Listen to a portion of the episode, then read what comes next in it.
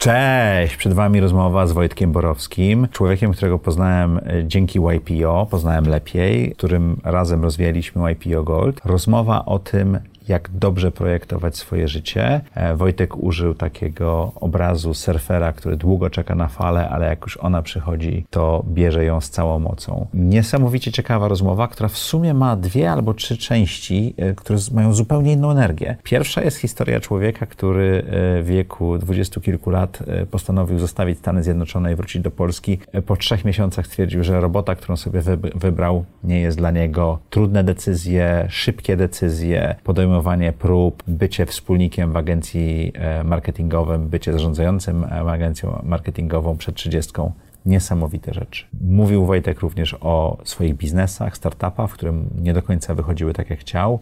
Bardzo ciekawe lekcje. Ostatnia część rozmowy jest o pewnej filozofii e, życia, prowadzenia biznesu, budowania własnych wewnętrznych kręgów niesamowicie ciekawa i refleksyjna część. Ja się bardzo dużo z tej rozmowy nauczyłem i mamy książki do zakreślenia razem. Zapraszam Was bardzo serdecznie na rozmowę z Wojtkiem Borowskim. Zaprojektuj swoje życie. Zapraszam Was do mojej autorskiej audycji Zaprojektuj swoje życie. Przedstawiam osoby, które podjęły nietuzinkowe wyzwania życiowe i biznesowe. Rozmawiamy o tym, co nas napędza i dokąd zmierzamy. Historie opowiadane przez moich gości zainspirują Was do świadomego i odważnego projektowania swojego życia. Witajcie w kolejnym odcinku audycji Zaprojektuj swoje życie. Jak co tydzień, w czwartek o czwartej zapraszamy dla Was interesujących gości. Zadajemy im trudne pytania, patrzymy jak radzili sobie w wirażach życiowych. Jeżeli jesteście tutaj pierwszy raz, koniecznie dajcie nam lajka, dajcie nam suba, i zostawcie komentarz. Sztuczna inteligencja to lubi. Ostatnio jest mało komentarzy na YouTubie. Bardzo poprosimy trochę więcej. Jeśli nie byliście jeszcze na zaprojektuj swój biznes.pl, zapraszam Was bardzo serdecznie. Tam jest mastermind, tam są szkolenia, tam jest społeczność i bardzo duża doza wiedzy. Zapraszam Was już dziś. A dzisiejszym gościem jest Wojtek Borowski, McCann Polska. Wojtku, bardzo dziękuję, że tutaj przyszedłeś. Długo czekaliśmy na ten wywiad. Ania Borowska była w jednym z pierwszych wywiadów, to twoja żona, więc mamy taką klamrę, która to zamyka, ale ty masz zupełnie inną historię, którą dzisiaj mam nadzieję, że nam opowiesz. Postaram się jak najciekawiej. Czy pamiętasz, kiedy pierwszy raz się spotkaliśmy? Tak, pamiętam, to była e, w e, CEO Round Table w, e, w restauracji Belvedere i siedzieliśmy mm -hmm. obok siebie przy stole. Z 15 lat temu mogło być To mogło być na, to 12 lat. François Naj też był gościem tak. audycji, tak. opowiadał o tym, tak, to była prawda. Mm -hmm. A potem wylądowaliśmy obaj w YPO. O YPO opowiemy dość dużo, ale później. Najpierw opowiedzmy o tobie. Jak do tej pory wyglądało projektowanie twojego życia? Trochę na zasadzie takiego surfowania. Jakby jestem człowiekiem, który z jednej strony wie, że chce surfować surfować po falach. Jeżeli mhm. widzi dużą falę, to do niej jest w stanie wypłynąć, na nią wskoczyć, polecieć. Ale jednak mam taką chyba pokorę, że wiem, że życie rysuje i pisze swoje scenariusze i po prostu staram się w nich jak najlepiej odnaleźć. Ale w surfowaniu to bardzo długo się czeka na te fale, prawda? Nieraz, nieraz długo A surfuje się kilkanaście, kilkadziesiąt sekund, kilka minut, jak się ma szczęście, prawda? No i ta, na tym polega ta pokora, wydaje mi się. Więc okay. tak, więc jak najbardziej. I też temat, o którym będziemy rozmawiali, więc mojej obecnej firmy, no to jest coś, na czym pracowałem pracowałem 8 lat, więc y, mhm. umiałem konsekwentnie drążyć skałę. Czyli czekałeś na ten moment, kiedy ta fala mm, nadejdzie. Tak. Wojtek wykupił swoją firmę od dużej międzynarodowej korporacji, opowiemy wam o tym, ale ja chciałem zacząć od y, twojej historii, bo ty byłeś imigrantem, takim imigrantem, jakich teraz wielu przyjechało do Polski. Tak. W 81 roku mhm. wylecieliście do Stanów, prawda? Tak jest. Tak Tuż jest. przed stanem wojennym. Tuż dwa miesiące przed. Dwa miesiące przed, ja wtedy miałem 8 y, lat. Nie znam ani słowa angielskiego, a wylądowaliśmy w Connecticut w Stanach Zjednoczonych. Mhm. I to, co było charakterystyczne, to od razu poszedłem do szkoły. nie wróci... znając słowa po angielsku. Nie znając słowa po angielsku. I jak wróciłem do domu, to moja mama z przerażeniem popatrzyła na moje paznokcie, bo wszystkie były do kości obgryzone. A ja w ogóle nie obgryzałem wcześniej e, w Tak się denerwowałeś. To był taki dla mnie totalny stres. Bo rozumiem, że nie, nie wiedziałeś, co się dzieje wokół ciebie. Nic nie wiedziałem i też, ale co było akurat śmieszne, to jak, jak te dzieci się dowiedziały, że przyjechałem z jakiegoś kraju komunistycznego, Polska i tutaj y, Wojciech Borowski, który... Wojciech. Wojciech, Wojciech, który później został Walterem, a nawet jeden się pokusił, żeby na mnie mówić Sołczek, co było też dosyć zabawne, bo no, nie znał polskiego, ale mhm. Sołczek mu się wzięło. To było niesamowite, więc ja byłem absolutnym kosmonautem dla niej, kosmonautą i też tak postrzegałem świat wokół mnie, no bo mówmy się, byłem chłopakiem. Wylądowałeś na obcej planecie. Na obcej planecie, no bo wylądowałem w bardzo multikulturowym miejscu. My mieszkaliśmy w Connecticut, w małym miasteczku Middletown, y, które było no takim, z jednej strony genialna uczelnia Wesleyan, z drugiej strony po prostu robotnicze miasto. I ja z tymi właśnie dziećmi robotników chodziłem i tam byli Chińczycy, czarnoskórzy, Latynosi, wszyscy. No i mówmy się, jak wyjeżdżałem z pierwszej klasy y, warszawskiej szkoły, no to ona tak nie wyglądała wewnątrz. Mhm. Więc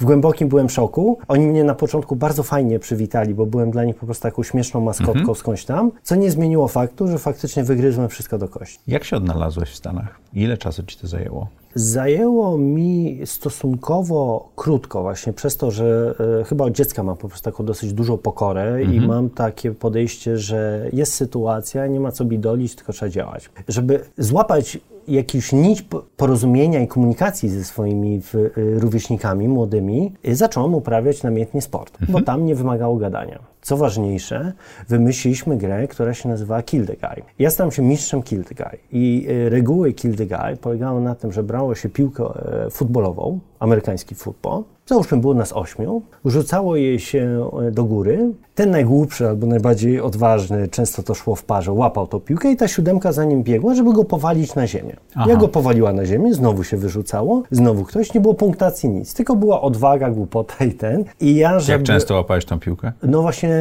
to była absolutnie moim językiem, e, to była właśnie albo głupota, albo odwaga.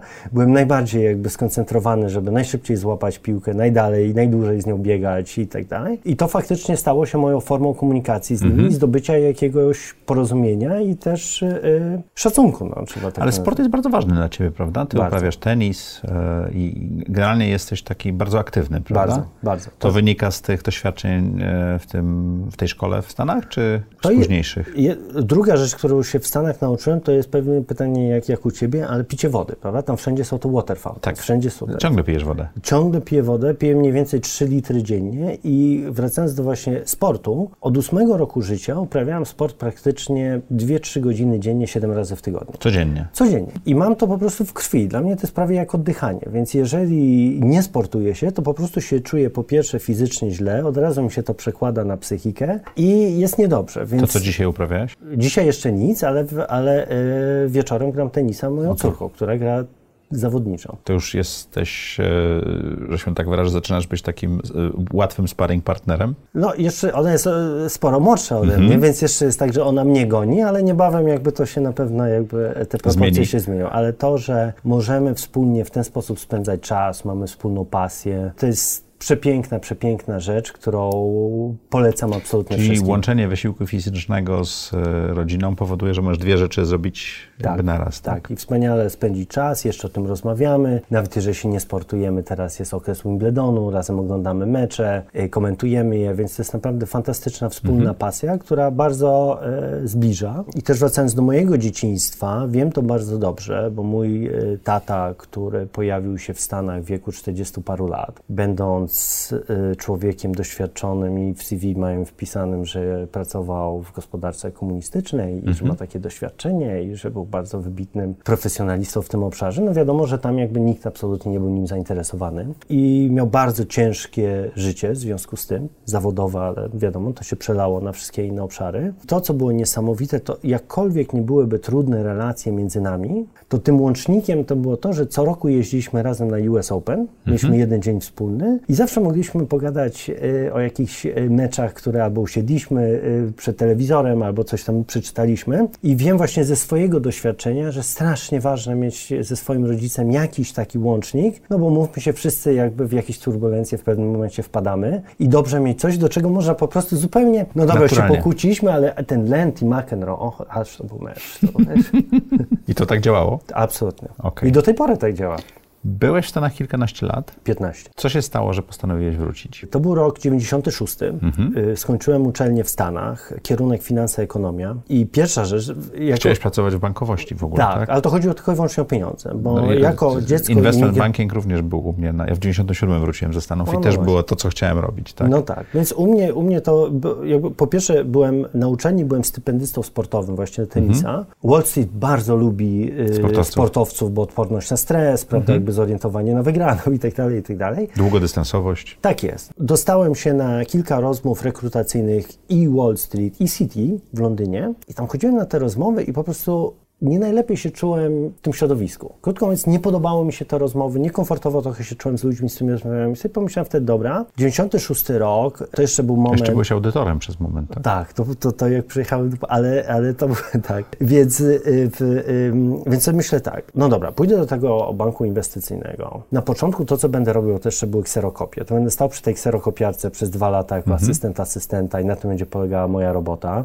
Nie do końca mi się podobają ci ludzie, a w Polsce się ciekawe rzeczy dzieją w tej chwili, prawda? Jakby, no bardzo ciekawe. No ta Polska się budowała, fajna była Polska. Też umówmy się, nie wiem jak Twoje doświadczenie, ale jako imigrant, imigrant wykształcony w Stanach, jaki miałem dostęp do ciekawych ludzi w Polsce, I y, prac, które mogłeś wybierać, prawda? Oczywiście. A druga rzecz, jaki był mój dostęp do tych samych ciekawych ludzi na Manhattanie, prawda? No, umówmy się, no po prostu przepaść. Więc to wszystko sobie spokojnie przemyślałem. Mówię, dobra, no to to jest ten moment, że poznać swoją ojczyznę. Ona wydaje się być bardzo ciekawa. Nie miałem założenia, że to jest A na dobrze zawsze. mówisz po polsku? Mówiłem e, śmiesznie.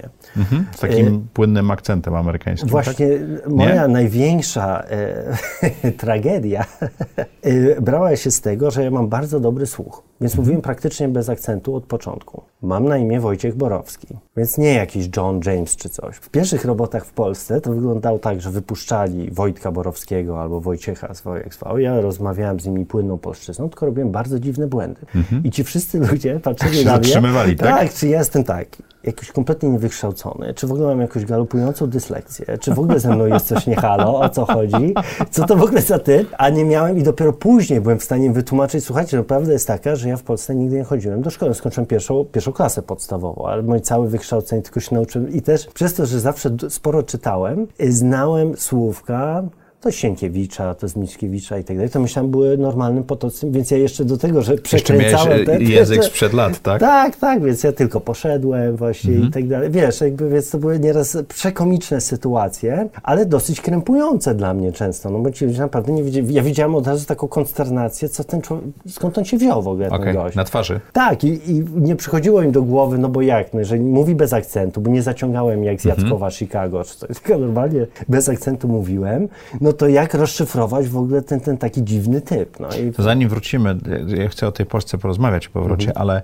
czy miałeś trudną ro- rozmowę z rodzicami a propos powrotu? Bo dla mnie to był, pamiętam, jak, z, Mhm. jak powiedziałem, że chcę wracać, to był trzy miesiące takiego grillowania. Oni nie mogli zaakceptować tego, że oni tu przyjechali, żeby zapewnić nam przyszłość, Mhm. Tak. a ja wracam do Polski. Czy u ciebie było coś w tym stylu? U mnie były dwa światy, bo moja mama w ogóle jest bardzo zaangażowana w, w życie Polonii, bardzo kultywuje y, polską kulturę. Wręcz dostała nagrodę imigrantki roku w Connecticut, przez to, że prowadzi w tej chwili już, że mnie prze- 40 lat prowadzi audycję taką kulturową Którzy radiową. zostali w Stanach. Tak, moja siostra też tam mieszka i moja mama była zachwycona. Ja też jakby trochę pracowałem z nią przy tej jakby jej, jej programie w, y, radiowym, więc zawsze jakby ona mnie wciągała w tą polską kulturę, książeczki mi podtykała, czytam, prawda, jakby, więc ona była zachwycona, a mój tata załamany kompletnie. I on wręcz otwartym tekstem, tak jak ten, do mnie mówi, synu, no nie po to ja tutaj przyjechałem i poświęciłem de facto swoje życie zawodowe, no bo tak było, żebyś ty teraz jakby wracał tam, no proszę cię, no co ty Czyli miałeś podobną rozmowę Tak, jak ja. miałem bardzo trudną, i, ale mój ojciec powiedział jedną fenomenalną rzecz. Wręcz go wczoraj wieczorem na kolacji cytowałem właśnie z naszym rozmówcą. I jak on już widział, że nie ma wyjścia, bo ja wręcz ostentacyjnie kupiłem bilet w jedną stronę, żeby mi pokazać, że to I'm not joking, prawda, jakby to jest na serio, który oczywiście był droższy niż dwie strony, więc idiotyczne, no ale powiedzmy sobie, to było teatralne zagranie. To on mi powiedział, dobra synu, jak już tam musisz jechać, ja kompletnie tego nie rozumiem, nie popieram tego, ale obiecaj mi jedną rzecz. Nie jedziesz do Polski, żeby żyć jak Polak. I to e, było fantastyczne, bo od razu przyjechałem z takim nastawieniem, oczywiście w żaden sposób nie pomniejszając Polaków, ale z wiedzą, że po pierwsze, to co ja zdobyłem w tych Stanach, to co moi rodzice wypracowali, żeby zrobić ta edukacja ta edukacja, prawda, jakby te, te, te, możliwości, mam po prostu absolutny obowiązek, żeby tak się tutaj zachowywać, żeby ten powrót miał sens. I nie chodzi o to, to, żeby dołączyć do jakiegoś miejsca, być no tam średnia krajowa, nic nie, prawda, mhm. jakby i ten, więc muszę jakby spowodować, że jest prawdziwa wartość dodana z tego mojego pojawienia się w Polsce, nawet jeżeli z całą skromnością to jest mała cegiełka do tego, co się wtedy działo i w, w Miałeś to w głowie, szukając opcji dla siebie? Miałem, miałem poczucie obowiązku wobec moich rodziców, mhm. ale y, nie wiedziałem, co zrobię, jakby, no bo wiedziałem tylko tyle, że mam dyplom i mam wykształcenie finanse ekonomia i moja pierwsza robota, o której już trochę zagaiłeś, y, gdzie po prostu z głupia frant pojawiłem się, jeszcze wtedy to było Coopers and Lybrand, mhm. przed połączeniem z Price'em, y, z dyplomem dyplomem i dostałem bardzo szybko robotę w dziale audytu. Czemu audytu? Bo mieli otwarte, A, okay. otwarte stanowisko. Ja do końca, i też miałem, prawdę mówiąc, miałem takie myślenie, że nauczenie się księgowości jako baza do biznesu jest niegłupim pomysłem, mhm. że dobrze to wiedzieć, dobrze się na tym rozwijać, więc sobie pomyślałem, dobra, ten audyt nauczy się księgowości, będę ten i zobaczymy, co dalej. Tyle tylko, że Ile było... wytrzymałeś? Trzy miesiące. Trzy miesiące. Byłem pierwszy w historii Coopers Lybrand, który z własnej woli nie przedłużył jakby okresu próbnego. Mhm. I to wynikało z I to tego... był szok dla organizacji. Pewnie. Szok. Oni nawet to nazywali przez kilka lat po tym gest Borowskiego, jeżeli ktoś się tak zachowywał. Więc tak. No ale, wtedy... gest Kozakowi, Kozakiewicza, no, rozumiem, no, ale tak? trochę tak. Mniej jakby słynne i już chyba nikt to nie pamięta, ale tak, to było niesamowite. I faktycznie trzy miesiące wynikało z tego, że się bardzo szybko zorientowałem, że ten rodzaj pracy nie jest dla mnie. Czyli to nie była fala dla ciebie, tak, na której była, chciałbyś surfować? Nie, to była taka, która od razu jakby, no po prostu, czy mnie zalała, czy ja nie umiałem na niej surfować, jakby ciężko, bo nie chcę krytykować tego zawodu. Chodzi tylko o to, że ja też jakby z jednej strony miałem to zobowiązanie wobec swoich rodziców i, i ambicje, z drugiej strony też miałem świadomość, że no jeżeli tyle godzin spędzasz w tej robocie, a akurat zawsze byłem typem pracusia, no to ta robota powinna przynosić jakąś satysfakcję. Czyli jako dwudziestokilkuletni chłopak już miałeś jakieś wartości, które Miałem. może nie potrafiłeś ich nazwać, tak. ale kierowały twoimi decyzjami, tak? Tak, tak, pewnie, pewnie, pewnie. I w, no i też to i z domu, i z sportu, mhm. i ten, no i też czytałem, prawda, więc jakby miałem jakieś takie obycie. Jak, jak, nie wiem, czy pamiętasz, jak trudna to była decyzja dla ciebie? I ta komunikacja, że przepraszam, ja wychodzę. Jeśli szukasz swojej drogi, nie wahaj się. Obierz właściwy kurs. Wyrusz na podbój świata z kursem inwestorskim Macieja Filipkowskiego i zostań aniołem biznesu.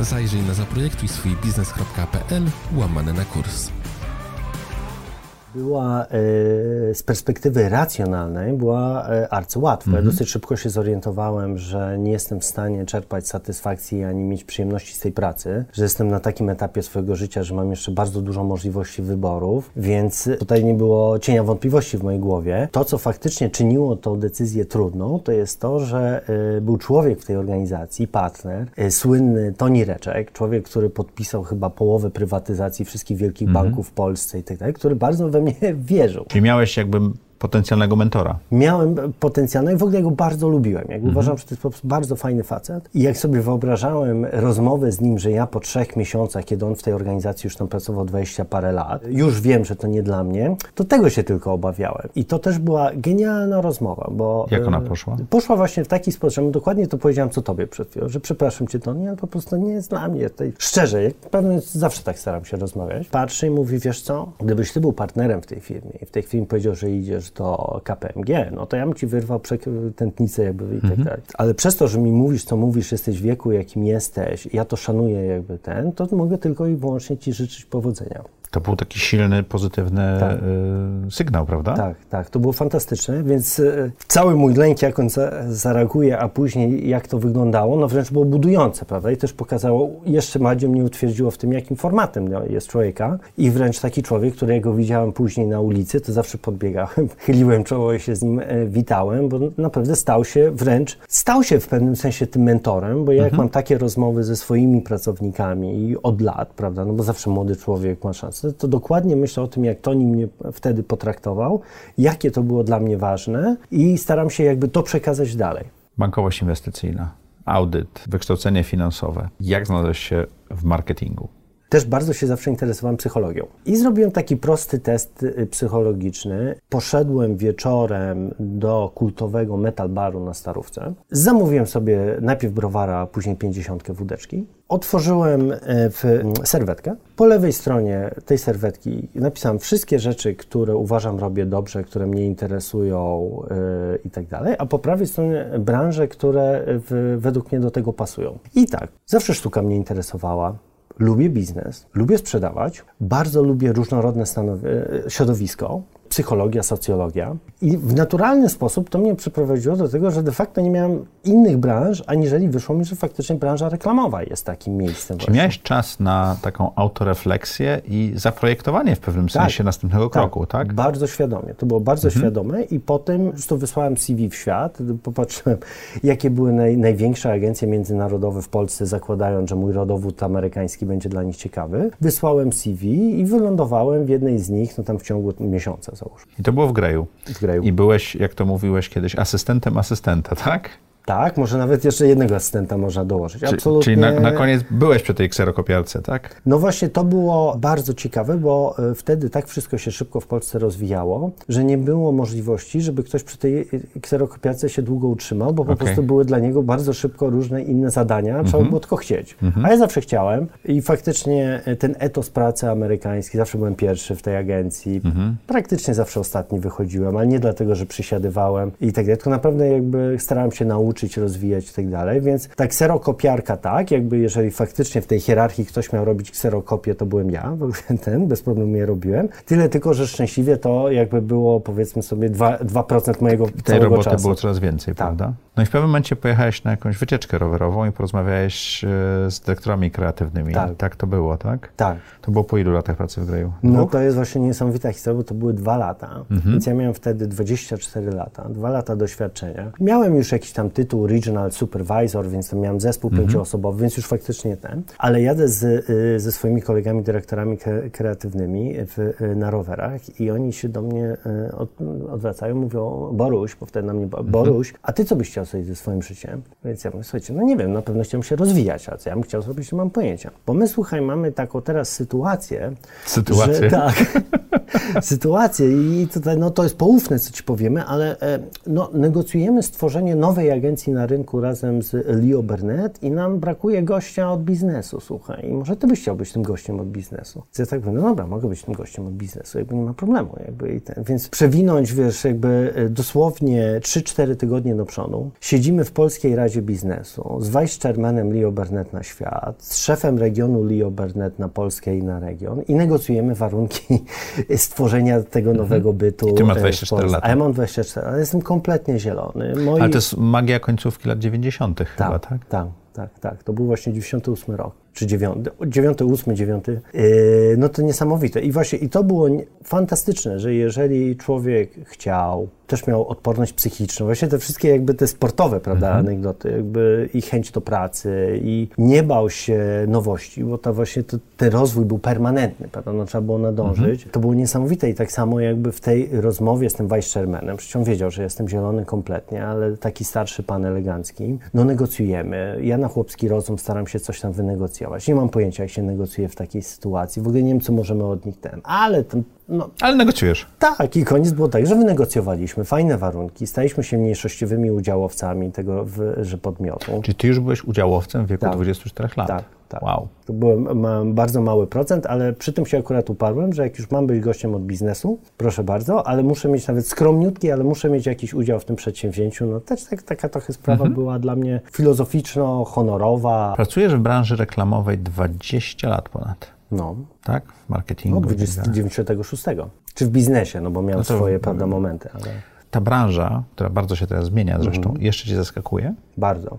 To jest właśnie fantastyczne e, w tej branży i czemu tak lubię w niej być, bo ona e, po pierwsze jest chyba najbardziej różnorodnym organizmem możliwym w, w biznesie. W szczególności teraz, jakie są różne specjalizacje, bo w naszej grupie mamy PR, mamy oczywiście digital, mamy agencję reklamową, mamy specjalizację w ogóle w healthcare'ową, mamy mhm. bardzo, bardzo różne. I to są ludzie z bardzo różnym wykształceniem, w różnym wieku, jakby w, e, z różnymi kompetencjami. I to, co jest ciekawe, ciekawe, to w tej chwili na rynku jest tak, że z jednej strony jest bardzo ważna ta specjalizacja, z drugiej strony jest szukanie synergii pomiędzy tymi podmiotami, więc moja rola w dużej mierze jest budowanie w tej chwili kultury organizacyjnej, tak, że osoby, które są skrajnie od siebie różne, chciały wiosłować w tym samym kierunku mhm. i jeszcze w tym samym tempie. To jest trudne. Trudne, aczkolwiek bardzo ciekawe. I to jest bardzo stymulujące, więc dlatego ciągle coś mnie zaskakuje, bo najczęściej moim największym zaskoczeniem to nie są nowe technologie. To są ludzie. To są ludzie. Miałeś też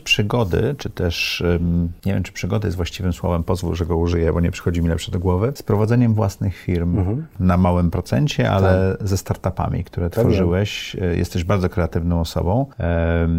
To był biznes dekoracyjny, to mhm. był biznes ogrodniczy, mhm. nie wiem jak to nazwać. E, przydomowe szklarnie. Przydomowe szklarnie, tak. które zresztą do, dość tam w pewnym mhm. momencie się mhm. szybko rozwijały. Jakie to były doświadczenia? I skąd był pomysł na to, żeby właśnie zostawić to, co robisz, albo przerwać to, co mhm. robisz i zająć się czymś takim? Potrzeba stworzenia czegoś, co jest namacalne. Fizyczne. Fizyczne bo e, moja praca e, w, e, w, branży, która jest krową moim zajęciem, no to jednak jest consulting w dużej mierze. Mhm.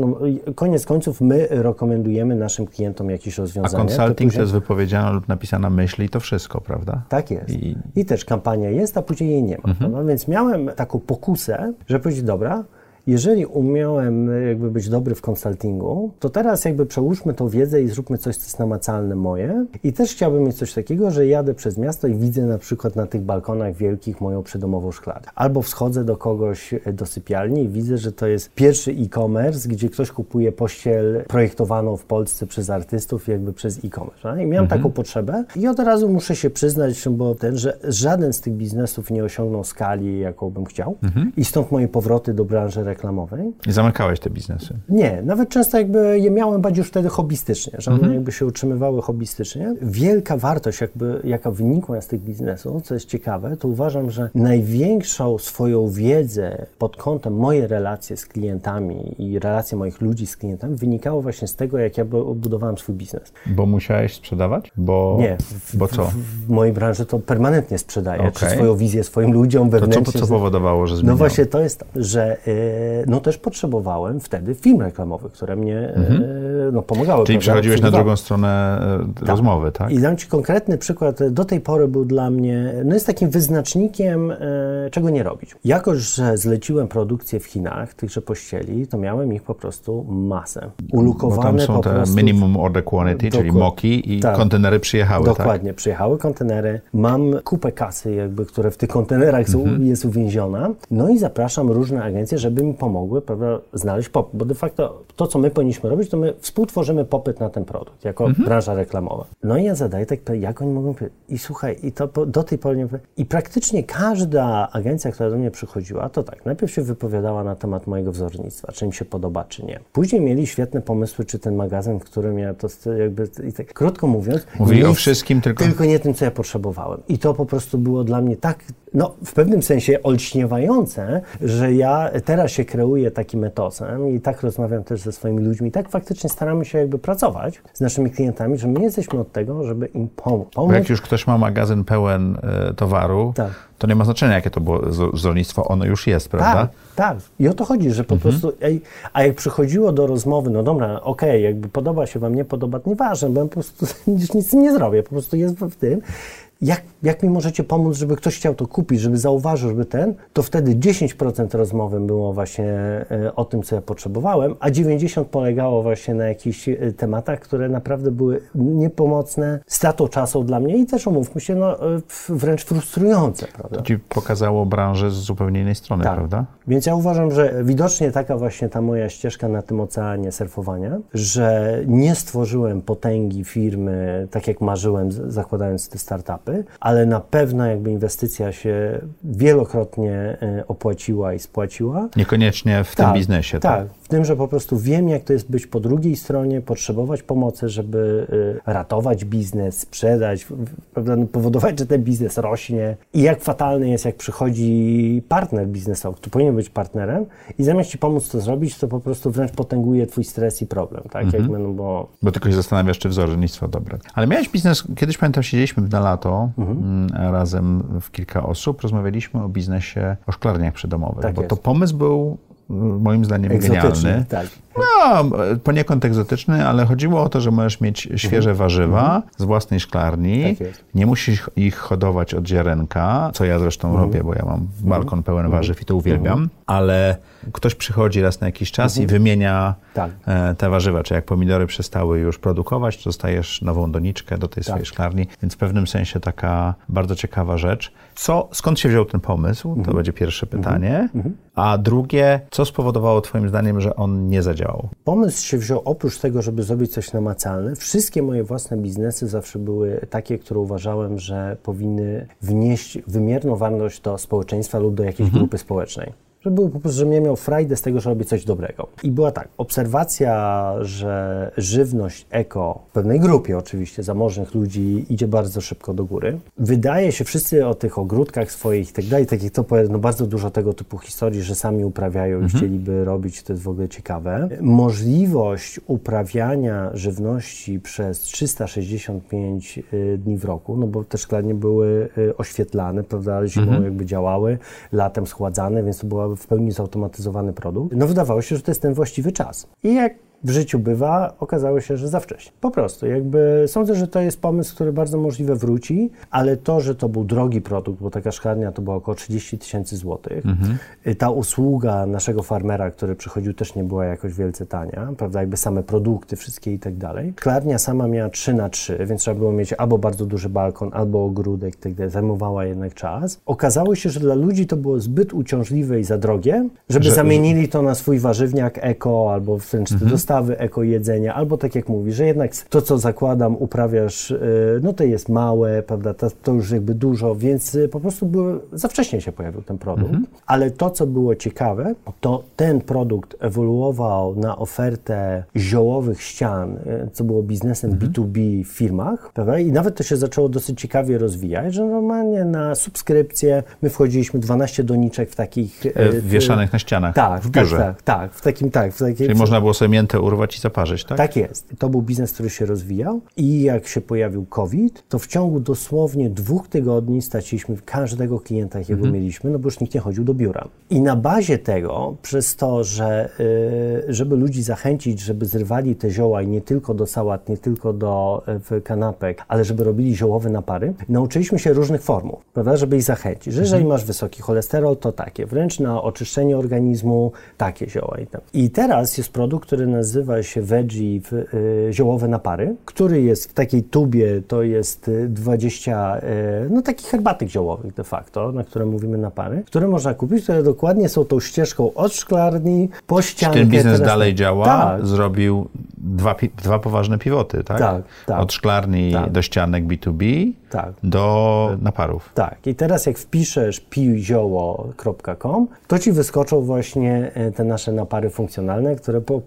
taką e, drogę. Czyli nie każdy z tych biznesów nie zadziałał w pełni, tylko nie osiągnął skali. Tak, tak, Mhm. tak. Czego Ciebie nauczyły te doświadczenia? Ciebie jako osoby. Bardzo dużo, bardzo dużo, ciągle mnie uczą, no to jest e, tak jak z tymi pivotami, to prawda, no bo każdy inwestujesz, prawda, jakby w, jesteś aniołem e, Mhm. biznesowym, więc najważniejszy element to nie jest biznesplan, wbrew pozorom, tylko to jest zespół. Mhm. Bo zespół albo będzie szukał drogi i właśnie przeformułowywał jakby pomysły, żeby znaleźć tą właściwą drogę, Mhm. albo się pokłóci, rozsypie i tak dalej. I oczywiście świetnie mieć bardzo dobry biznesplan na początku i jakąś bazę, ale ja jeszcze nie słyszałem o biznesplanie, który by się w momencie sukcesu pokrywał jakby z tą wizją na początku. I zawsze Na, chodzi nawet o ten w 10 zespół. czy 20% Tak. to jest rzadkość, prawda? I to jest największa nauczka, że i to wszystko, co robię w tej chwili, to zawsze jakby pamiętam, że koniec końców chodzi o to, żeby zespół był właściwy, a później technologie, wszystkie jakby te nowinki, produkcje, cokolwiek trzeba jakby, to jakby dopasujemy. A jeżeli nie ma właściwego zespołu, to nic nie będzie z tego. A czy Twoja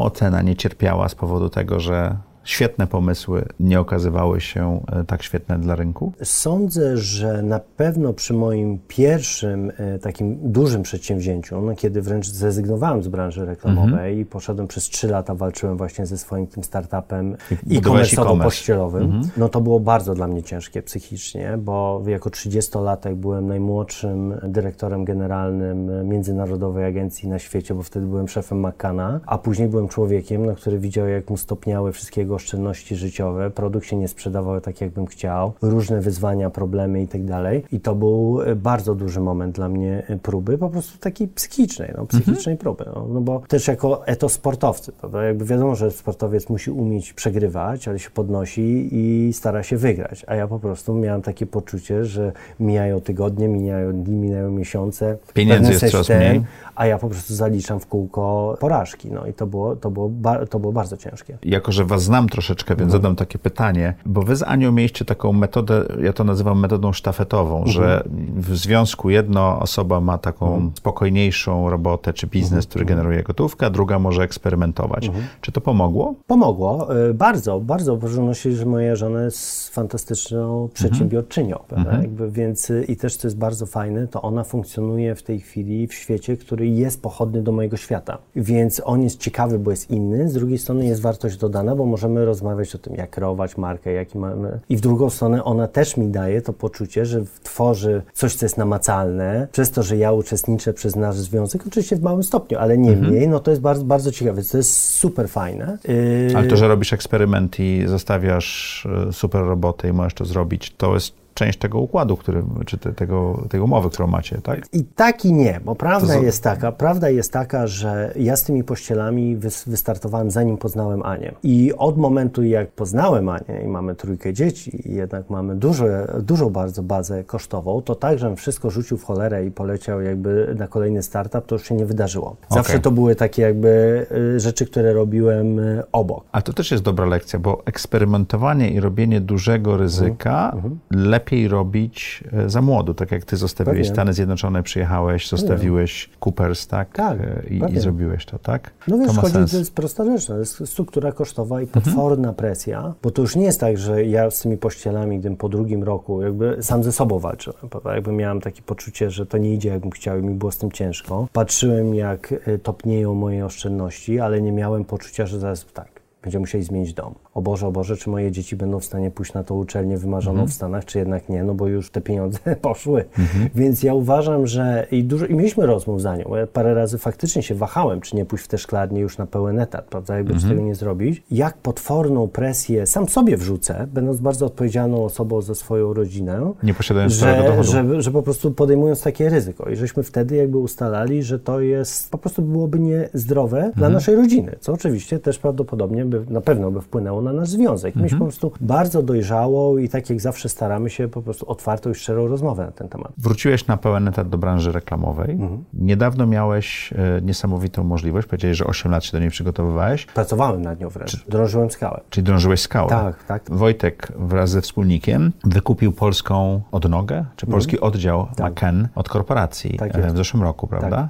Tak, tak to jak się drąży, dobra, to wszyscy chcielibyśmy to zrobić, jak się drąży taką skałę przez 8 lat? Że jesteś w tym miejscu, które jest twoje, tak. pracujesz w Makanie po raz drugi, tak. jeździ tam dobrze tak. i stajesz się właścicielem. Mhm czyli management buy-in, czy buy-out. Tak, tak. Jak się coś takiego robi? Robi się tak, że ta fala jest daleko i się do niej płynie, płynie i się nie poddają. Mhm. Więc ja przez y, 8 lat zawsze pokazywałem w sposób bardzo racjonalny, oparty na faktach, jakim trudnym rynkiem jest Polska. Krótko mówiąc, Polska jest rynkiem tak samo konkurencyjnym jak niemiecki rynek. Mhm. Ale o niższych cenach. Do, to właśnie do tego no. dojdziemy. Bardzo konkurencyjny, tak jak Niemcy. Jedna trzecia wielkości, jeżeli nawet nie mniejsza już w tej chwili, aniżeli Niemcy. Na wszystkich badaniach, my jako Macan robimy dużo ciekawych badań globalnych i na wszystkich badaniach, gdzie jest wrażliwość cenowa, to Polacy po prostu numer jeden. Mhm. Numer jeden w Europie, y, czołówka świata i tak dalej. Smart shopping. Polak mhm. nie lubi być, co oznacza, że w każdej, na każdym jakby poziomie naszego społeczeństwa Polak uwielbia się targować, nienawidzi przepłacać i zrobi wszystko, żeby się czuć, że jest smart shopperem. Mhm. I to dotyczy biznesu.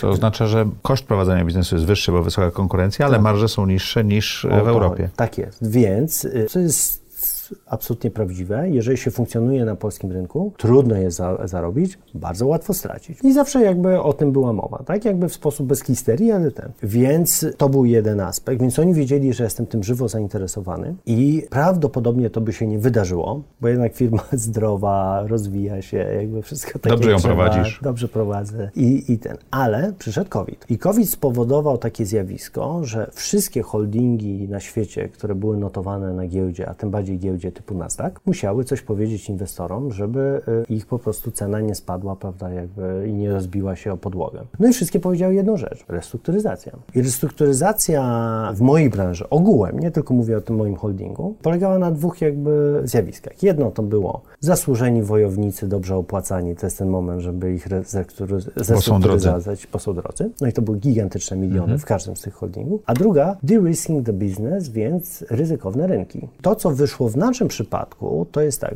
Polska jest jednak bardzo ważnym rynkiem dla Makana na świecie z prostej przyczyny, że mamy bardzo ważnych globalnych klientów tutaj. Mhm.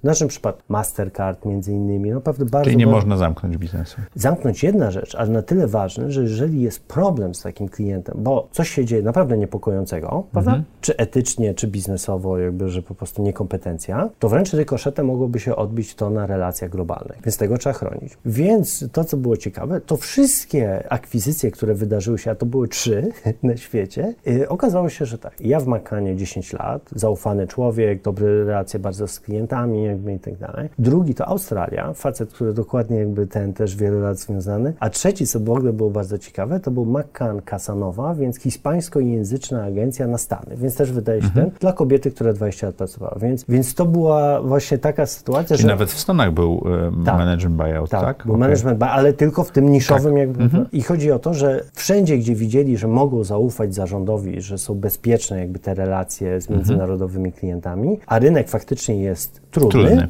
no to jest otwartość. A ja przez 8 lat jakby ciągle podnosiłem rączkę, że gdyby była otwartość, bardzo jesteśmy tutaj zainteresowani. Czyli ten, ten mały procent, który miałeś na początku w, w pierwszej agencji, którą prowadziłeś, mhm. dał ci ten smak bycia tak. właścicielem, tak. tak? Zawsze chciałem. Mhm. I sądzę, że te, też powinniśmy bardzo otwarcie powiedzieć o tym, że to jest zmiana w dużej mierze lifestyle'owa. Dlatego, że będąc bardzo już doświadczonym człowiekiem, który za chwilę kończy 50 lat, absorbowanie swojego życia, jakby zakłopotanie głową, e, czy ktoś gdzieś w jakimś Excelu, gdzieś daleko nie stwierdzi, że po co im ta pensja, więc taki ten i udowadnianie, prawda, jak to jest w dużych organizacjach, że warto jest sprzedać te pieniądze co miesiąc. Że nie jesteś tym zasłużonym i niepotrzebnym, tak? Albo za drogim, albo coś, prawda? Mhm. Jakby i, w, I ten element, który w każdej dużej korporacji zajmuje ludziom kupę czasu, no umówcie, jakby nie chcę mówić, ile w moim przypadku to było procent, a było, no według mnie to było już uciążliwe, więc jeżeli mogę to zdjąć, skoncentrować się w 100% Czyli na nie rynku. musiałeś udowadniać ciągle, że jesteś wartościowym pracownikiem i nie warto cię wymienić, tak? Wiesz co, wcześniej jakby miałem to zawsze w tyle głowy, a uważałem, że jak skończę 50 lat, to tym bardziej będzie mhm. mnie to obciążało po prostu. Więc mój pęd do tego, żeby stać się właścicielem i żeby mój stres, ale konstruktywny stres, polegał tylko i wyłącznie na moim zderzeniu i zderzeniu moich ludzi i moich agencji z rynkiem. I żeby cała moja para poszła właśnie w ten obszar, jak pomóc klientom budować biznes, a nie zastanawiać się właśnie, co zrobić, żeby mhm. nikt nie pomyślał, że nie warto,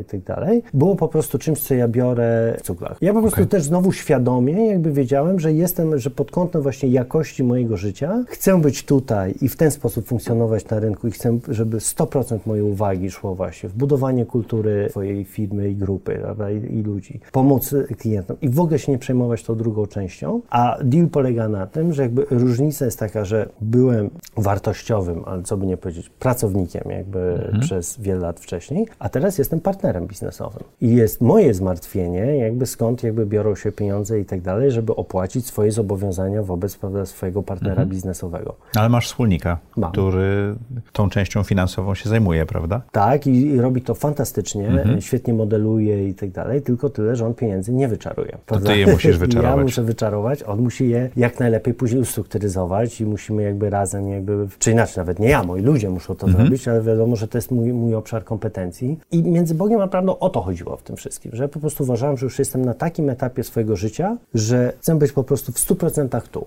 a nie trochę jednak i tu, i tu. Jak zmieniła się Twoja praca? Ona się właśnie zmieniła e, w ten sposób, że jestem dużo bardziej skoncentrowany. Wiesz, to jednak jest różnica perspektywy właścicielska versus mhm. pracownicza. Jakby, I wynika to z tego, olbrzymia. że olbrzymia. I wynika to w tej chwili jakby w tym, że faktycznie e, my możemy na polskim rynku akwizycje, możemy robić e, sami jak uważamy. Prawda? Tak długo jak nie jest to w jakimkolwiek konflikcie z naszymi zobowiązaniami wobec klientów globalnych, strategiczne alianse. Prawda? To, więc ja jestem w tej chwili jakby się dużo bardziej jakby przesunąłem w pewnym sensie w takiej... Ma, masz większą swobodę działania. Radykalnie. Ale też dużo większą odpowiedzialność za podejmowane tak. decyzje. Tak, no bo co robi duża organizacja, każda korporacja? No minimalizuje ryzyk. Więc po, zanim, poprzez y, tak.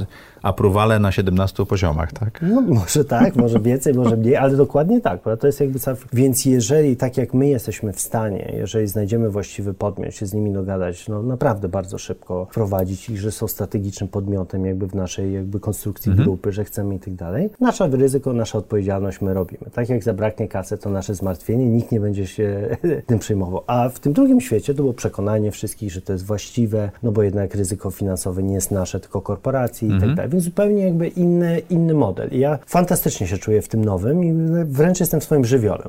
Pracujesz tyle samo, więcej czy mniej? Zawsze byłem pracusiem, zawsze. To się nie zmieniło? E, to się nie zmieniło, ale zmienił się na pewno jakby rodzaj pracy. Więc to jest tak, że, e, no ale też COVID to zmienił. Więc ale, tak... ale więcej z klientem teraz możesz pracować i więc mniej jest... raportować do góry, do, znaczy do góry w sensie do struktur. Zawsze byłem bardzo zaangażowany w klientów, mhm. więc to w, w, według mnie się nie, nie zmieniło jakoś bardzo, ale dużo więcej czasu jakby w tej chwili poświęcam jakby na dwa aspekty. Jeden to są strategiczny rozwój grupy, a drugi kultura organizacyjna grupy. I masz na to czas. Mam na to czas i mam tak, że nikomu nie muszę mówić, czemu akurat to robię, czy nie, czy przekonywać, że to jest dobry pomysł, żebym się na tym skończył, tylko muszę to przegadać jakby ze swoim e, wspólnikiem, no i oczywiście też ze swoim za zarządem i ustalamy te rzeczy, kto za co jest odpowiedzialny, ale moja rola faktycznie się znacząco, y, która mi bardzo pasuje. Jak się finansuje taki wykup? Bo to nie jest prosta transakcja, że przechodzisz i kupujesz firmę, tak? Wiesz, to są najróżniejsze jakby metody. Mhm. Jakby to, co jest, no nie mogę żadnych detali jakby w, mhm. zdradzać, ale na pewno dużo lepiej się negocjuje z podmiotem, który ci ufa, chce, żebyś to był ty i po prostu, a ty chcesz, żeby to byli oni i mhm. jest wspólne porozumienie, więc po prostu szukasz takiego szukasz obszaru, wspólnie rozwiązania. Tak, gdzie wszyscy wygrywają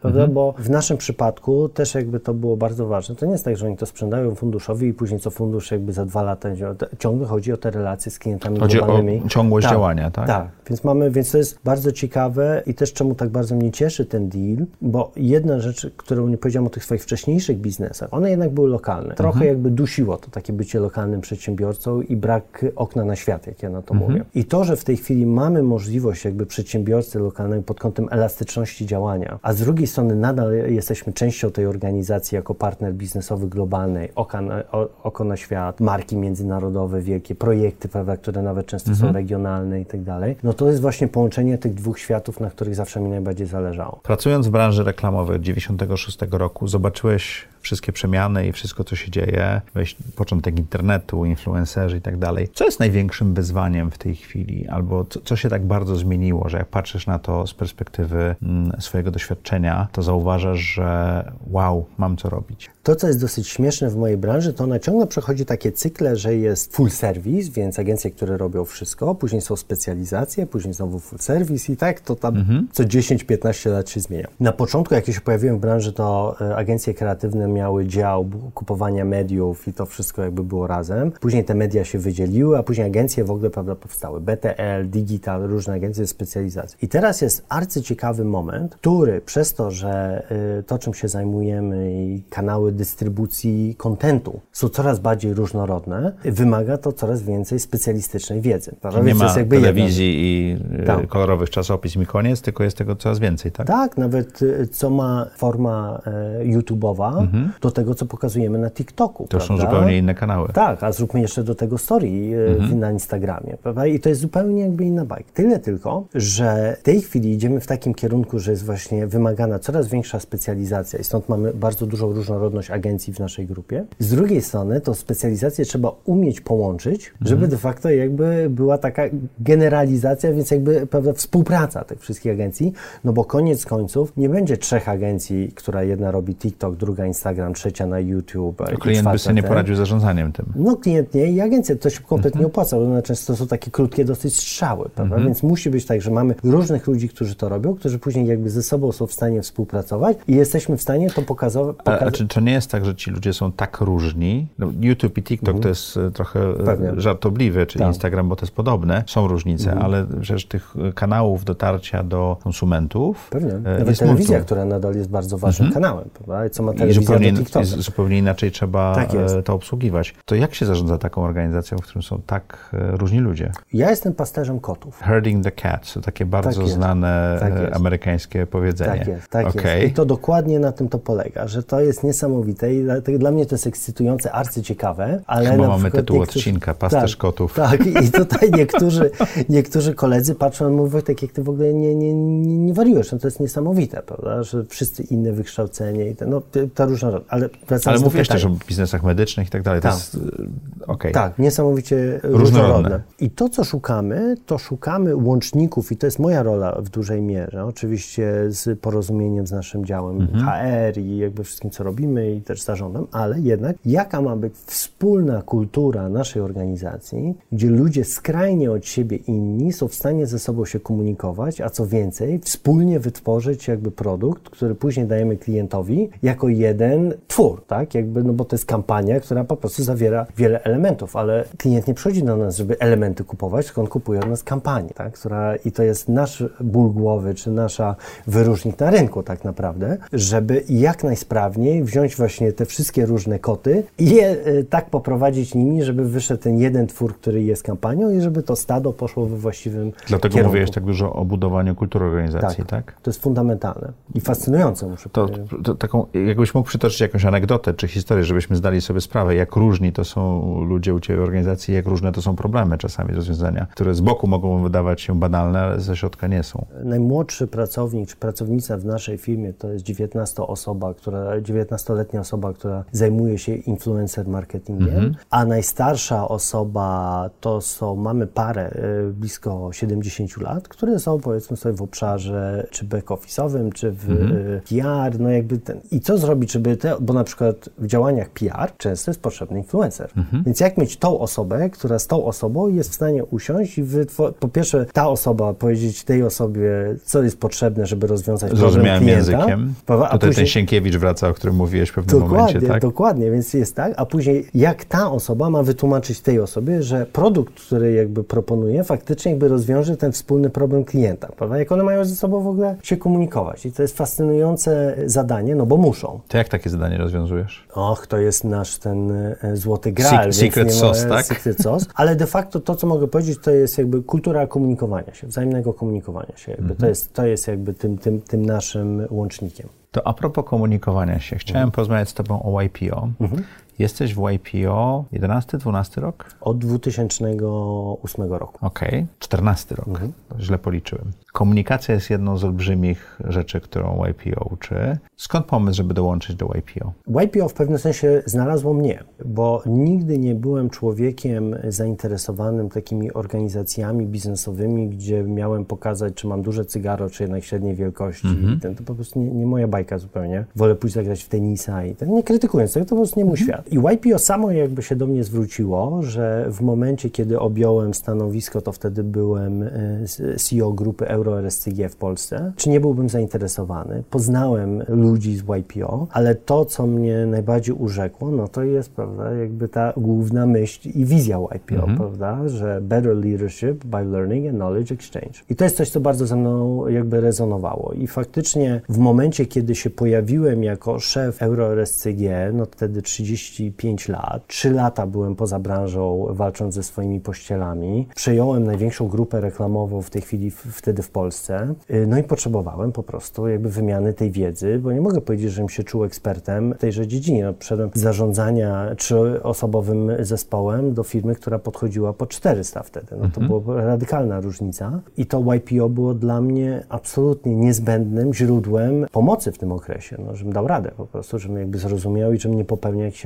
elementarnych błędów. A co było największą wartością dla Ciebie w YPO? Jestem, przez to chyba, że lubię właśnie to taką multidyscyplinarność, to tak ten, nigdy nie mam jednej rzeczy, która dla mnie jest najważniejsza. Okej. Zawsze splot, prawda? Jakby oczywiście forum super ważne. Jestem w tym samym forum od 2009 roku i mam czterech członków, z którymi jesteśmy tam jakby Cały tak czas. długo. Więc jakby wszy- no, dużo o sobie wiemy, dużo razem przeżyliśmy, to jest fascynujące. Więc to jest e, forum na pewno bardzo, bardzo, bardzo I te, ważne. te lustra, które dostajesz, czy feedback, który dostajesz jest bardzo wartościowy, bo sięga właśnie dekady Tak. plus do tyłu, prawda? Tak, i to, i to, co jest bardzo istotne, to każdy ważny dla mnie moment życiowy zawsze był konsultowany w forum i, i wręcz uważam, że sukcesy, czy dobrze poprowadzone w niektórych momentach negocjacje, albo nawet decyzje, czy zostać w firmie, czy odejść mhm. z firmy, co zrobić, no niesamowita jakby to była wsparcie właśnie takiego oglądu 360 stopni od osób, które często przeżyły takie sytuacje, bo no po prostu bardzo, bardzo duża wartość. Więc na pewno merytoryka, ale też jakby wyzwania, które są często pozapracowe, tak? Jakby i to, że te osoby też przeżywały różne wzloty, upadki w swoich związkach, które wynikały z jakichś różnych sytuacji, które wszyscy przeżywamy mhm. mniej lub bardziej, więc to fantastyczne. Ale też y, ten rozwój, edukacja, prawda, dostęp do fantastycznych profesorów na świecie. Uważam, że... Możliwość uczenia się na tak. zamkniętych y, tak. wykładach, prawda? Dokładnie. I uważam, że na przykład chyba nawet byliśmy razem na sztuka negocjacji, gdzie mhm. przyjechał prawda, ten słynny profesor z London Business School. No to fantastycznie, tak. jedno z najlepszych szkoleń, w jakie w życiu wziąłem i to dzięki YPO, więc... To mi zmieniło w ogóle mój paradygmat negocjowania, Dokładnie. bo myślałem, że jestem całkiem dobry. Tam było o kotwiczeniu ceny. Tak jest. Rzecz, którą nie rozumiałem. Zawsze się wydawało, że ten, kto pierwszy powie cenę, ten przegrywa negocjacje. Nie tak jest. Tak jest. Dokładnie na odwrót jest. Dokładnie tak, dokładnie tak przyjaźnie wieloletnie. Mhm. I żeby dać przykład naszym y, y, widzom a propos YPO, to y, żona ugotowała mi bardzo fajną imprezę na 40, gdzie hasłem tejże imprezy to było wracamy do lat 70.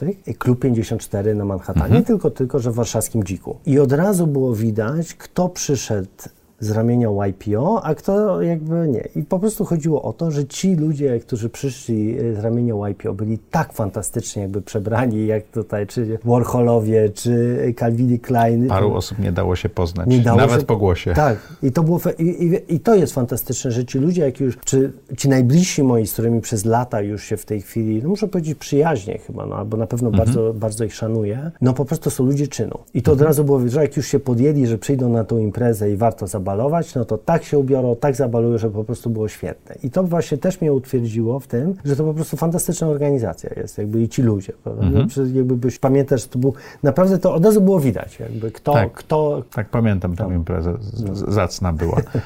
YPO również się zmienia. Mm. YPO wyewoluowało mhm. i ma organizację taką siostrzaną, która, mhm. znaczy to jest część YPO, ale nazywa się YPO Gold. Mhm. Kiedyś się nazywało WPO, ale prawdopodobnie ten skrót można było różnie interpretować interpretować, mhm. więc zostało zmienione. To jest dla osób, które są w innym momencie kariery, czyli mhm. nie są samotnymi wilkami próbującymi budować biznes, tylko bardzo często są osobami, które już takimi bardziej dojrzałymi. Mhm. Tam chyba jest obowiązek przejścia y, przy 50, a można przejść trochę prędzej. Tam jest bardzo ładne powiedzenie, które mhm. że to nie jest tak, że musisz przejść, tylko you graduate to. I tak, graduate tak. to się dzieje, że możesz w wieku 48 lat graduate ze swojej woli, a jeżeli skończysz 50, no to już po prostu czas czas to graduate, prawda? Mm-hmm. I przechodzisz. Więc generalnie chodzi o to, że to są jakby te osoby wiekowo bardziej dojrzałe, mm-hmm. co idzie w parze z doświadczeniami życiowymi, etapem, jakby na którym się znajdują. I YPO Gold w Polsce niedawno przeżyło renesans, bo na mhm. początku było bardzo małą organizacją, to było kilka osób i mhm. tak dalej, i tak było trochę obok. No jesteś autorem tego renesansu, chciałem powiedzieć, z, z mojej perspektywy, no, bo zebrałeś grupę y, chyba pięciu czy sześciu mhm. wspaniałych, która spowodowała, że ta organizacja stała się odrębną, i bardzo aktywną organizacją, mhm. prawda? Tak, to jest... Skąd y, pomysł, żeby tak się zaangażować? Pomysł był taki, że już byłem blisko Graduate 2, mhm. wiedząc, patrząc na, na świat, już będąc bardzo dojrzałą osobą, wiem, że jeżeli chcesz mieć coś, co daje ci wartość, to najlepiej to samemu stworzyć. I właśnie między innymi, prawda, Losing My Virginity i Bronson, jak wymyśla swoje biznes, na tym jest mhm. oparte, tak? I to dokładnie był ten moment, że już wiedziałem, że się zbliżam, że będę musiał zrobić graduate tu, ale what to graduate, prawda, jakby co tam i tak dalej. Więc y, to była jedna rzecz. Druga, doświadczenie i właśnie zaufana ekipa. Znowu wracając mhm. do naszej rozmowy a propos startupów, to że wiem, że bez ekipy jakby się nic nie da, jak są właściwi ludzie, wszystko się da. Więc miałem tą genialną ekipę, którą udało się przekonać i oni dokładnie w tym samym mhm. myśleniu, mhm. też graduate tu, zróbmy, żeby było fajnie. No i też, co bardzo ważne, y, tak jak na początku YPO było bardzo młodą organizacją, prawda, jak wystartowało w tym 94 chyba, jeżeli się nie mylę, to teraz już jakby ci, którzy muszą przejść do YPO Gold, to już bardzo znacząca ilość ludzi. Mhm. Jakby w tym roku mieliśmy ponad 30 członków, jakby, mhm. więc, y, więc, więc skala była jakby też właściwa. Więc ten splot wszystkich jakby tych y, sytuacji czy wy, wynikowych jakby spowodowało, że faktycznie jakby stworzyliśmy organizację, która jest, ja na to patrzę tak, że YPO jest jakby tym parasolem, że to jest jedna organizacja, która jest oparta na dwóch filarach w Polsce mhm. w tej chwili. I ten Gold jest bardzo ważnym filarem, tak jak YPO, a to, co jest bardzo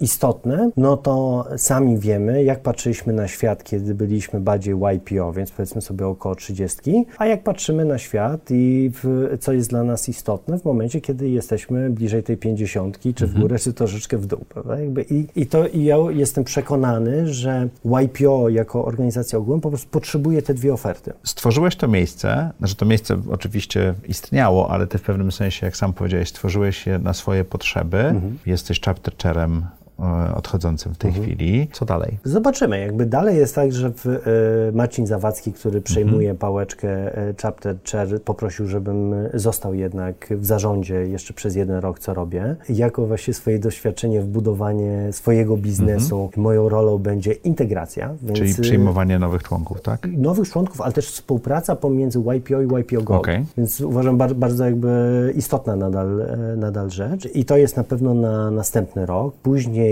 Bardzo fajnie to będzie, żeby to już nabrało taki efekt pozytywnej kuli śnieżnej, powiedziało. I zobaczymy, co dalej. No, czy wtedy jakby będę współorganizował jakieś ciekawe wydarzenia, czy ten, no na pewno bardzo liczę na to, że tak jak to jest ważny element mojego życia od 2008 roku, jakby ten, bardzo bym chciał, żeby był ważnym elementem życia idąc do przodu i liczę, że hmm. jak najdłużej. A też wiem, że w, tak jak my z dziećmi, yy, nie wiem, czy to ładne, czy nieładne powiedzenie, ale im więcej włożysz, tym więcej wyjmiesz, prawda? No po prostu nie można tak być jest. I tak samo jest jest jakby w tego typu jakby organizacjach. Mhm. To, jest member run organization, czyli tak. dokładnie. Im bardziej się zaangażujesz, tym bardziej jesteś, masz większą satysfakcję z tego, co się tak tam jest. dzieje. Tak jest. Wojtku, jest taki moment w naszej audycji, że zadajemy naszym gościom e, bardzo podobne pytania, żeby trochę lepiej ich poznać. My mamy nawet taki hashtag, nazywamy go Trudne Pytania. Okay. Jesteś gotowy? Zobaczymy. Widziałeś parę odcinków, więc pewno jesteś trochę przygotowany. Czy możesz opisać najlepszą decyzję, jaką podjąłeś w życiu? Nie, nie, bo... To na, na 180 odcinków to jest pierwszy raz, kiedy taką odpowiedź dostałem. Okej. Okay. Dajesz. Okay. Nie, nie mogę, bo w, ja uważam, że y, życie się y, składa ze splotu różnych decyzji i na pewno w moim nie ma jednej, która by była jakaś taka. E, są rzeczy, które były moja decyzja, żeby wrócić do Polski, ale czy ona była najważniejsza w moim życiu? Na pewno nie. Jakby znowu, jakby z niej wynikły inne rzeczy, więc e, twarde, twarde nie na jedną e, najważniejszą decyzję. Bardzo przepraszam, Maćku, że to że. Mamy coś nowego.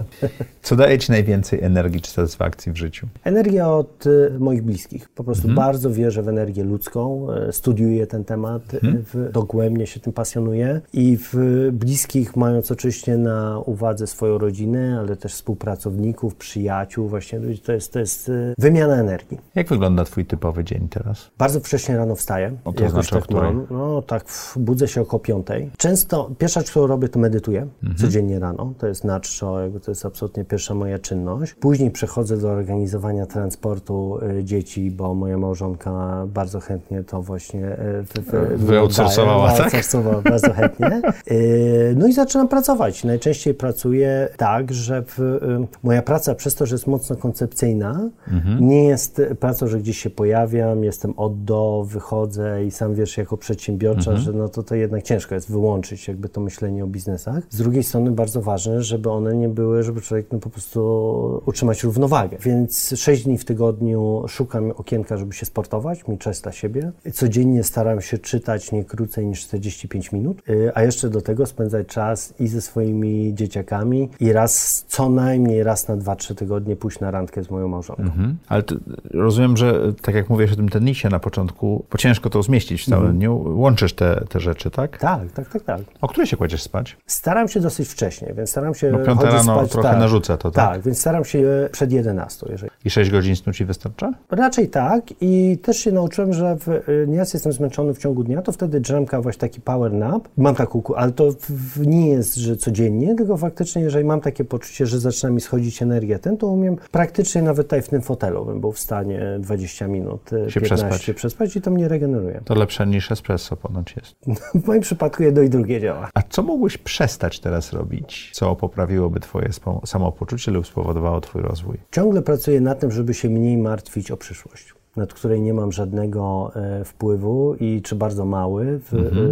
e, wizualizowanie jakichś sytuacji trudnych. Wiemy tym bardziej w dzisiejszym świecie, no to naprawdę jakby ciężko jest się nie martwić. I minimalizowanie właśnie tego wizualizowania, o Boże, o Boże, co może się wydarzyć za te dwa lata, prawda, co się dzieje w ogóle z naszym, e, naszą planetą, co się dzieje z naszymi sąsiadami, co się dzieje z tymi wirusami, które wychodzą, bo coraz bardziej wchodzimy na tereny, prawda, jakby mhm. różnych zwierzaków i tak dalej. I koncentrować się i cieszyć tu i teraz. z tego tu i teraz. Jaką masz supermoc? Zawsze ja się urodziłem z czymś takim, że chyba jak pies, że mam po prostu jakąś dużą, mam taki radar, wrażliwość na ludzi. Czuję ludzi. Mhm. I to jest to. Jestem w stanie e, wejść do pokoju, gdzie jest 15 osób i po prostu ich czuję. Jakby rozumiem i, i, i, i zawsze jakby w, u niektórych, którzy tego nie mają, jakby nie mówią, wiesz, że jak to jest, że jestem w stanie jakby do każdego podejść i od razu mam jakiś wspólny temat z nimi. Jakby, że nie mam, i, i mam coś takiego, że i to od dziecka i bardzo możliwe, że to była ta droga właśnie imigrancka. Bo to, o czym Gdzie język nie był tak wystarczająco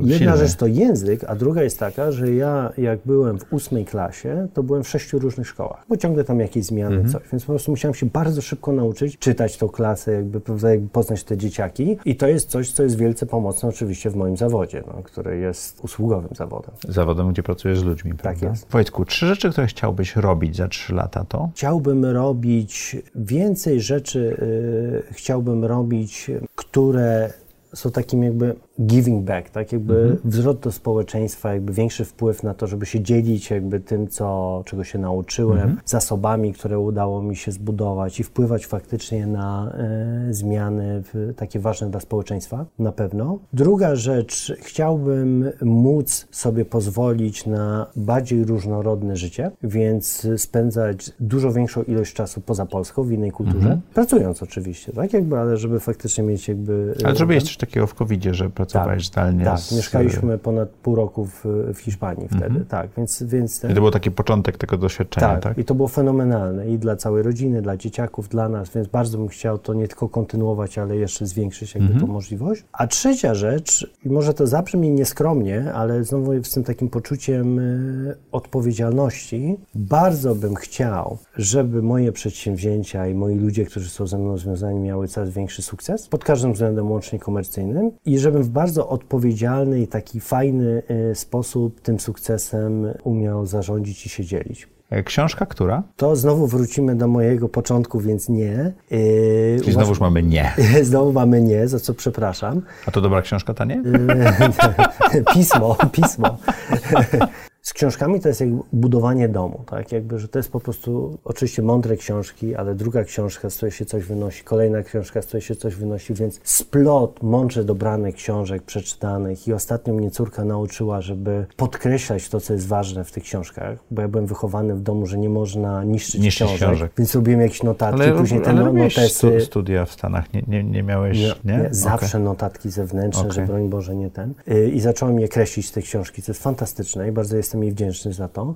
Y, więc tych książek mam masę i też takie bardzo szukam równowagi w życiu, to też bardzo szukam równowagi w tym, co y, czytam. Więc jakby generalnie mam trzy takie obszary. Jeden to oczywiście książki biznesowe, drugie bardzo ważne dla mnie książki właśnie takie duchowo-spirytualne, a trzecie bardzo mnie się interesuje biografiami, najczęściej jakieś historyczne jakby postacie, które mnie... Oni oczywiście są jakby odchyły, ale właśnie splot tych wszystkich jakby trzech takich filarów powoduje, że uważam, że z roku na rok naprawdę dużo wynosi wynoszę z tych książek? To pytanie było bardzo proste. Można było je dowolnie uzupełnić. Książka, która, więc ja uzupełnię i poproszę odpowiedź na nie. Książka, którą ostatnio zakreśliłeś, to? Atomic Habits. A, tutaj proszę bardzo, tak. nawet leży. Tak. James Clear. Jeżeli nie czytaliście, a słuchacie tego podcastu, to jestem zaskoczony. Książka, która. Fantastyczna. Bardzo dużo. To ja ci mogę polecić inną książkę, jeżeli chętnie. chciałbyś. Chętnie. Książka, która. Najlepszą książkę, którą przeczytałem w tym roku, w styczniu. Super. Świat bez e-maila, World Without Email. Super. Carl Newport. Świetnie. Właśnie o tej komunikacji -hmm. e, dotyczącej takiego nadmiaru komunikacji, które między innymi teraz wideokonferencje dodają, e-maili i tak dalej. E, ja czytam maile w tej chwili raz, dwa razy w tygodniu dzięki tej książce. Brawo. Tak. E, przegapiam bardzo dużo rzeczy, nie wpływają one dramatycznie na moje życie. Super. Dzisiaj wieczorem zamawiam. Bardzo dziękuję. Proszę cię bardzo. Wow, aż tak, ale, odda, ale obiecuję, że oddam. Dobrze. nie, bo będę kreślił, więc nie No dobrze, zobaczymy, co zakreślisz. Okej. Widzimy, dostaniemy z powrotem zakreśloną książkę przez Wojtka Borowskiego. Wojtku, co chciałbyś, żeby widzowie i słuchacze audycji Zaprojektuj swoje życie zapamiętali z tej rozmowy? Dzieląc się swoim doświadczeniem, i to jest jakby to już podkreślałeś, że naprawdę z jednej strony uważam, że bardzo jest ważna pokora i to, że ten ocean po prostu jakby to po nim pływamy, a nie, że jesteśmy sami oceanem. Z drugiej strony kreowanie swojej rzeczywistości, więc właśnie jeżeli są potrzebni zawodnicy tenisowi, to po prostu wydzwonienie, znalezienie, poznanie i robienie, organizacja prawda, typu YPO, jeżeli chcemy, żeby była taka jak to, angażujmy się w to i współtwórzmy ją. Jeżeli chcemy pracować w firmie, w jakiej, y, o jakiej marzymy i do której chcemy chodzić, bądźmy w nią zaangażowani. Nawet nie musimy być właścicielami, bo ja liczę, że pracownicy w naszej firmie też będą mieli i mają takie poczucie, że mogą współkreować swoją rzeczywistość i że dzięki temu jakby to jest miejsce, do którego chcą przychodzić. I o to chodzi, żeby z jednej strony samemu współkreować, z drugiej strony mieć ten szacunek i dawać ludziom możliwość, żeby oni też współkreowali. Dziękuję Ci ślicznie. Ja dziękuję. Dziękuję Wam i jak co tydzień w czwartek o czwartej zapraszam do audycji Zaprojektuj swoje życie.